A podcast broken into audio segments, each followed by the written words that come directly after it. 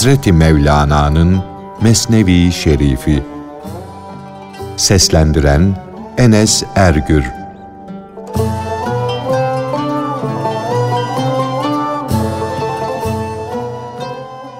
Can, hak ile manen buluşunca onu anmak, bunu anmaktır.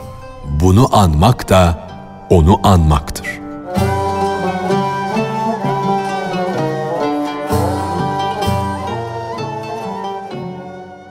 Can, hakla buluşunca onu anmak, bunu anmaktır. Bunu anmak da onu anmaktır. Böyle bir can, kendinden, kendiliğinden, kendi benliğinden boşalmış, dostun aşkıyla dolmuştur. Testinin içinde ne varsa dışına o sızar. Gülmek, vuslat zaferanının kokusunu verir. Ağlamak, uzaklık, ayrılık soğanının hoşa gitmeyen kokusudur. Halkın her birinin gönlünde yüzlerce dilek vardır. Aşk mezhebi bu değildir. Buna aşk demezler. Aşkta gündüzün güneşi sevgilidir. Öyle bir sevgili ki bildiğimiz güneş aşk güneşine bir nikaptır, bir örtüdür. Örtü ile sevgilinin yüzünü ayırt edemeyen güneşe tapıyor demektir. Ona değer verme, ondan elini çek. Aşık için gündüz de sevgilidir, rızık da sevgilidir. Aşığın gönlü de odur, gönlünü yakan da. Balıklara lütfedilmiş olan içinde yüzdükleri su, onlara hem ekmektir, hem sudur, hem de elbisedir, hem ilaçtır, hem uykudur.'' Aşık çocuğa benzer. Memeden süt emer durur.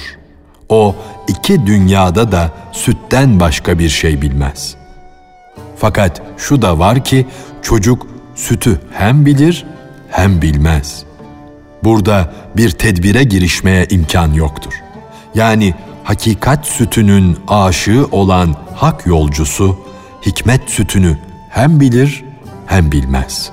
Bildiği şudur ki kendi ruhuna gıda olan hakikat sütü, hikmet sütü Allah'ın bir lütfu ve ihsanıdır. Aşık o sütsüz yaşayamaz. Fakat Allah'ın bütün feyzini, hikmetini de bilemez. Çünkü o tarafa akıl yol bulamaz, tedbir işe yaramaz. İlahi keşf olmadıkça bir aşık, hakkın hikmetini ve ruhuna gıda olan feyzin sırrını, mahiyetini bilemez. Hak yolunda yürüyen kişi kendini yok ederse o zaman şaşırmaz, aptal olmaz. Sel ve ırmak değil, mana denizi kesilir. Mana denizi kesilince de kendisi kendisinde kaybolur. Adeta hızlı koşarak, başını taştan taşa vurarak denize doğru akıp giden ve sonunda kendini denize atan, denize karışan sel gibi orada yok olur gider.''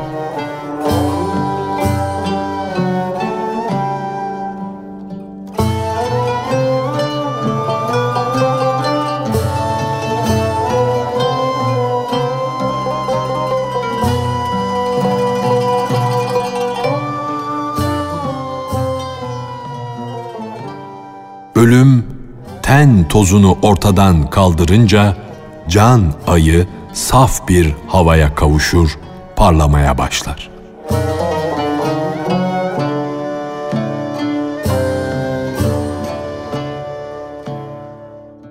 Kılıç aşığın canını temizler, tozlarını süpürür. Çünkü kılıç suçları tamamıyla mahveder, yok eder. Yani gerçek varlığın kılıcı aşığın canından beden tozlarını süpürür. Kılıç kanını dökmekle onun günah sayılan benliğini, varlığını ortadan kaldırır. Onu tertemiz bir hale getirir. Ten tozu kalkınca benim ay gibi olan varlığım, canımın ayı saf bir havaya kavuşur. Ey sevgili, nice senelerden beri gerçekten de benim hayatım ölümümdedir diye aşkının davulunu çalmadayım. Can kendisinin su kuşu olduğunu söylüyor. Bu iddiada bulunuyor. Artık o bela tufanından korkar, feryat eder mi? Gemi kayalara çarpar, parçalanırsa bundan kaz üzülür mü? Onun gemisi suya ayak basmaktır. Kaz suya girince kendisi bir gemi olur, yüzer durur. Canım da, tenim de bu dava yüzünden diridir. Bu davadan nasıl vazgeçerim, susarım. Rüya görüyorum ama uykuda değil. Bu kirli dünyaya ait olmadığımı iddia ediyorum. Yalancı değilim. Ben mum gibi yanıyorum. Benim boynumu yüz kere kessen daha da parlarım. Etrafı daha fazla aydınlatırım. Yokluk ateşi sağdan soldan parlasa da benim bütün varlık ve benlik harmanımı tutuştursa, alevleri göklere yükselse, gece yol alan hak yolcuları harmanın ışığını ne yapsınlar? Onlara gökyüzünde parlayan ay yol gösterir.''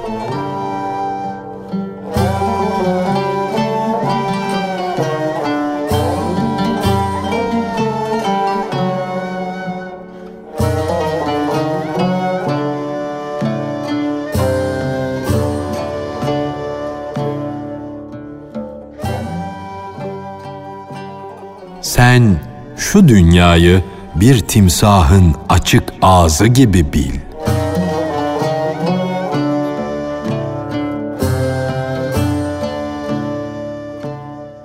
Timsah ağzını açar. Dişlerinin arasında uzun uzun kurtlar vardır. Onun yediğinin artıkları dişlerinin arasında kalır, kurtlanır. Dişlerinin arasında küçük kurtlar kaynaşır.'' Küçük kuşlar timsahın dişleri arasındaki kurtları görürler, onları yiyerek karınlarını doyurmak için oraya girerler. Ağzı kuşlarla dolunca birdenbire ağzını kapatır, onları yutuverir. Sen ekmekle, yiyecek hoş şeylerle dolu olan dünyayı da bir timsahın ağzı bil. Ey yiyecek peşinde koşan, yiyecek için çırpınıp duran kişi! Lokma peşinde koşarken zaman timsahından emin olma. Tilki toprağın altına siner. Üstündeki toprakta da aldatıcı yemler vardır. Bundan haberi olmayan kuzgun gelip oraya konunca o düzenbaz hile ile onu ayağından yakalar. Hayvanların yüz binlerce hilesi olursa en büyük, en kurnaz mahluk olan insanın hilesi nasıl olur? Kur'an'ı eline almış, lekesiz, hatasız Hazreti Ali'nin soyundan gelen İmam Zeynel Abidin Hazretlerinin kıyafetine bürünmüş. Halbuki kahredici hançeri elbisesinin içinde gizlemiş. Sana gülerek, ''Ey benim efendim'' der.'' Gönlünde ise büyülerle, hilelerle, kötü duygularla dolu bir Babil şehri var. Onun dış yüzü bal gibi tatlıdır, süt gibi hoştur. Fakat öldürücü bir zehirdir. Aklını başına al da her şeyden haberi olan bir pire danışmadan öyle kişilerin yanına gitme. Pirden başka ustan, pirden başka kumandanın olmasın. Ama birçok seneleri yaşamış, gün görmüş pir değil, doğru yolu gösteren pir olsun. O karanlıklarda kalan, o karanlığı seven kişi pire uyar, onun emri altına girerse aydınlığa kavuşur. Gözleri açılır, karanlık bir dehlizden güneşin ışığına çıkmış gibi olur. Şart teslim olmaktan ibarettir. Uzun işlere girişmek değildir.'' Sapıklık yolunda koşup durmanın faydası yoktur. Ben bundan böyle göklere yükselmek yolunu aramıyorum. Pir arıyorum. Pir arıyorum, pir. Gökyüzünün merdiveni pirdir. Ok nereden fırlayıp uçar? Yaydan. Gönül şimşek gibi yol azığı almadan, hiçbir şeye binmeden batıdan doğuya kadar gider. Nitekim akşam güneş battıktan sonra gece gelince insanlar uykuya daldıkları zaman onların duyguları uykuda iken de şehirleri dolaşır durur.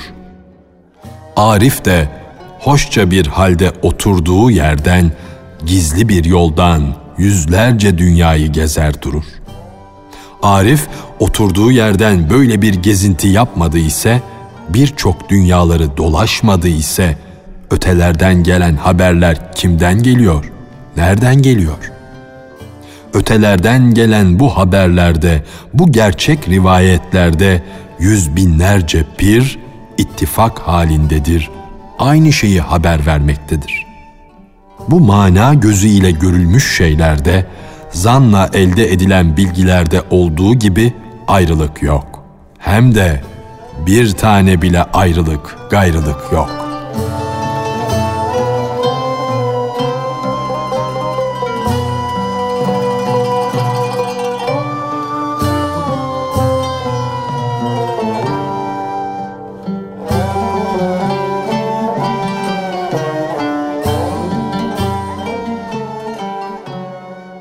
Cenabı Hakk'ın lütfu ve ihsanı bir kuluna başka bir yerden, hiç beklemediği bir yerden başka bir iş sebebiyle erişebilir.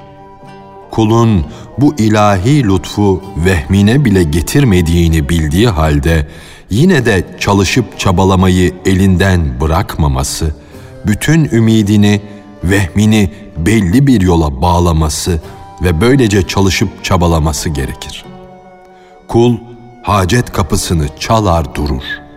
Belki de Cenab-ı Hak o haceti, o rızkı başka bir kapıdan ona ulaştırır. Halbuki kul ona dair hiçbir tedbirde bulunmamıştır. Allah kulunu hesaplamadığı yerden rızıklandırır. Kul tedbirde bulunur, Allah takdir eder.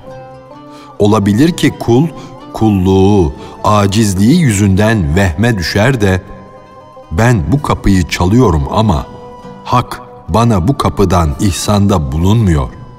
Başka bir kapıdan lütufta bulunur der. Cenab-ı Hak o kulunu bu kapıdan rızıklandırır. Zaten bütün kapılar bir sarayın kapıları gibidir.''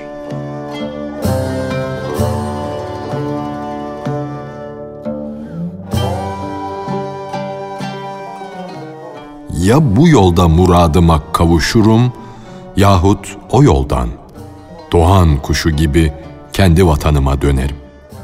Belki muradıma erişmem yolculuk etmeme bağlıdır. Yolculuk eder de onu başka yerlerde bulamazsam belki oturduğum yerde bulurum. Sevgiliyi o kadar çok arayayım, onu bulmak için o kadar çok gayret sarf edeyim ki sonunda onu aramamak gerektiğini anlayayım. Mana aleminde seyretmeden, dönüp dolaşmadan onun benimle beraber bulunmasının sırlarını, hikmetlerini nasıl gönlümün kulağına duyurabilirim? Ona bu hakikatleri nasıl anlatabilirim? Yani nerede olursanız olunuz Allah sizinle beraberdir. Çünkü size hayat veren ruhunuz ona bağlıdır. Ayetini ona nasıl duyurabilirim? Mana aleminde, gönül diyarında uzun yolculuklarda bulunmadan nasıl olur da onunla beraber bulunmanın sırrını anlayabilirim? Cenab-ı Hak, o sizinle beraberdir diye buyurdu. Ama bu beraberlik gönül kulağına aksetsin diye.'' O beraberliği kendisinden uzaklaştırmasın diye de gönlü mühürledi. Hakkı arayan kişi uzun mana yolları aldıktan, çok engeller aştıktan sonra gönlündeki o mührü açtı. Yani birçok ibadet ve iyilikler sonunda Cenab-ı Hak onunla beraber olduğunu, ona hissettirdi. Hesap ilminde, matematikte iki yanlışla doğru bulunduğu gibi hak yolcusu da bu bilgi ve beraberliği iki yanlış şeyden, düştüğü iki hatadan sonra açık olarak görür, anlar. Bu hakikatleri anladıktan sonra hak yolcuları der ki, bu beraberliği bilseydim hiç arar mıydım? Hiç sağa sola başvurur muydum?''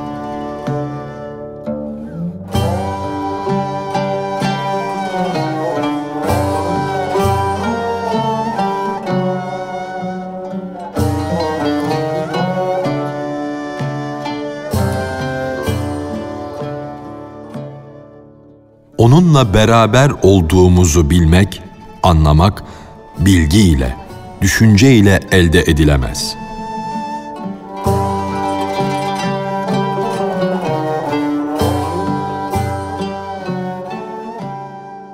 Onunla beraber olduğumuzu bilmek, onu bulmak, onu anlamak yolculuğa bağlıdır. Bu bilgi ile, düşünce ile elde edilemez. Yani bu hal ruhani yolculuğa çıkmaya, hak ile beraber bulunmaya, onu duymaya, hissetmeye, onun lütfu ile onu bulmaya bağlıdır. Söz, bilgi ve düşünce bu yolda hiç işe yaramaz. Çok yukarılarda geçen bir hikayede şeyhin helva borcunu ödemesi de o çocuğun ağlamasına bağlıydı. Helvacı çocuk hıçkıra hıçkıra ağlayınca o büyük şeyhin borcu ödendi. Ondan başka bir yerden, başka bir kimseden bir şey ummayasın diye Cenab-ı Hak senin gönlüne bir korku düşürdü. Umduğun, arzu ettiğin şeyi sana faydalı gösterir. Sonra o arzu ettiğin şeyi sana başka bir kimse vasıtasıyla lütfeder. Ey umduğuna sıkıca bağlanan kişi! Ben bu yüce ümit ağacından meyve yiyeceğim diyen, orada umduğundan sana bir fayda gelmez ama o ihsan başka bir yerden gelir çatar.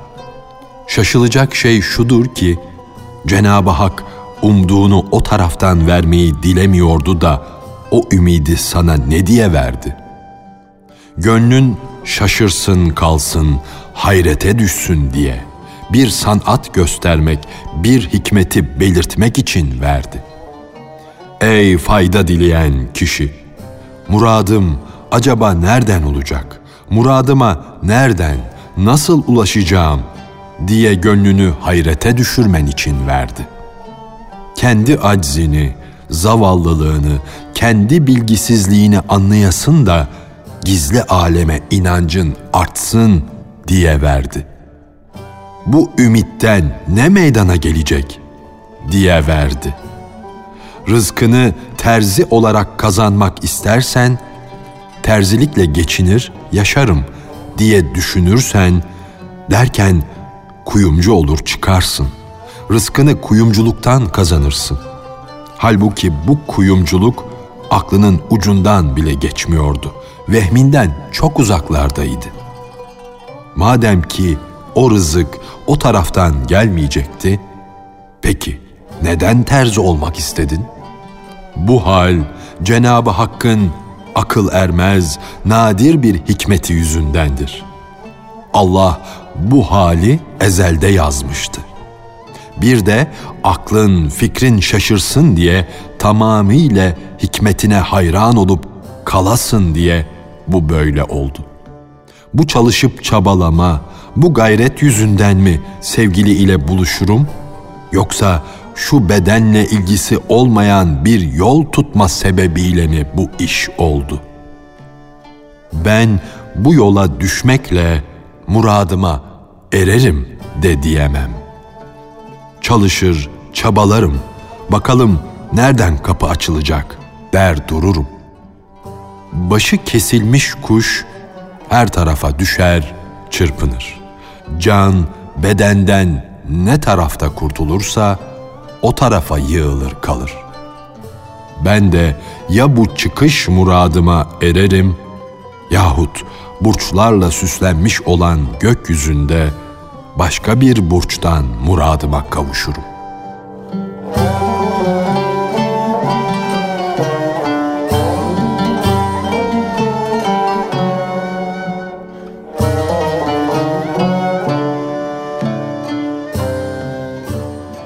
Hazreti Mevlana'nın Mesnevi Şerifi. Seslendiren Enes Ergür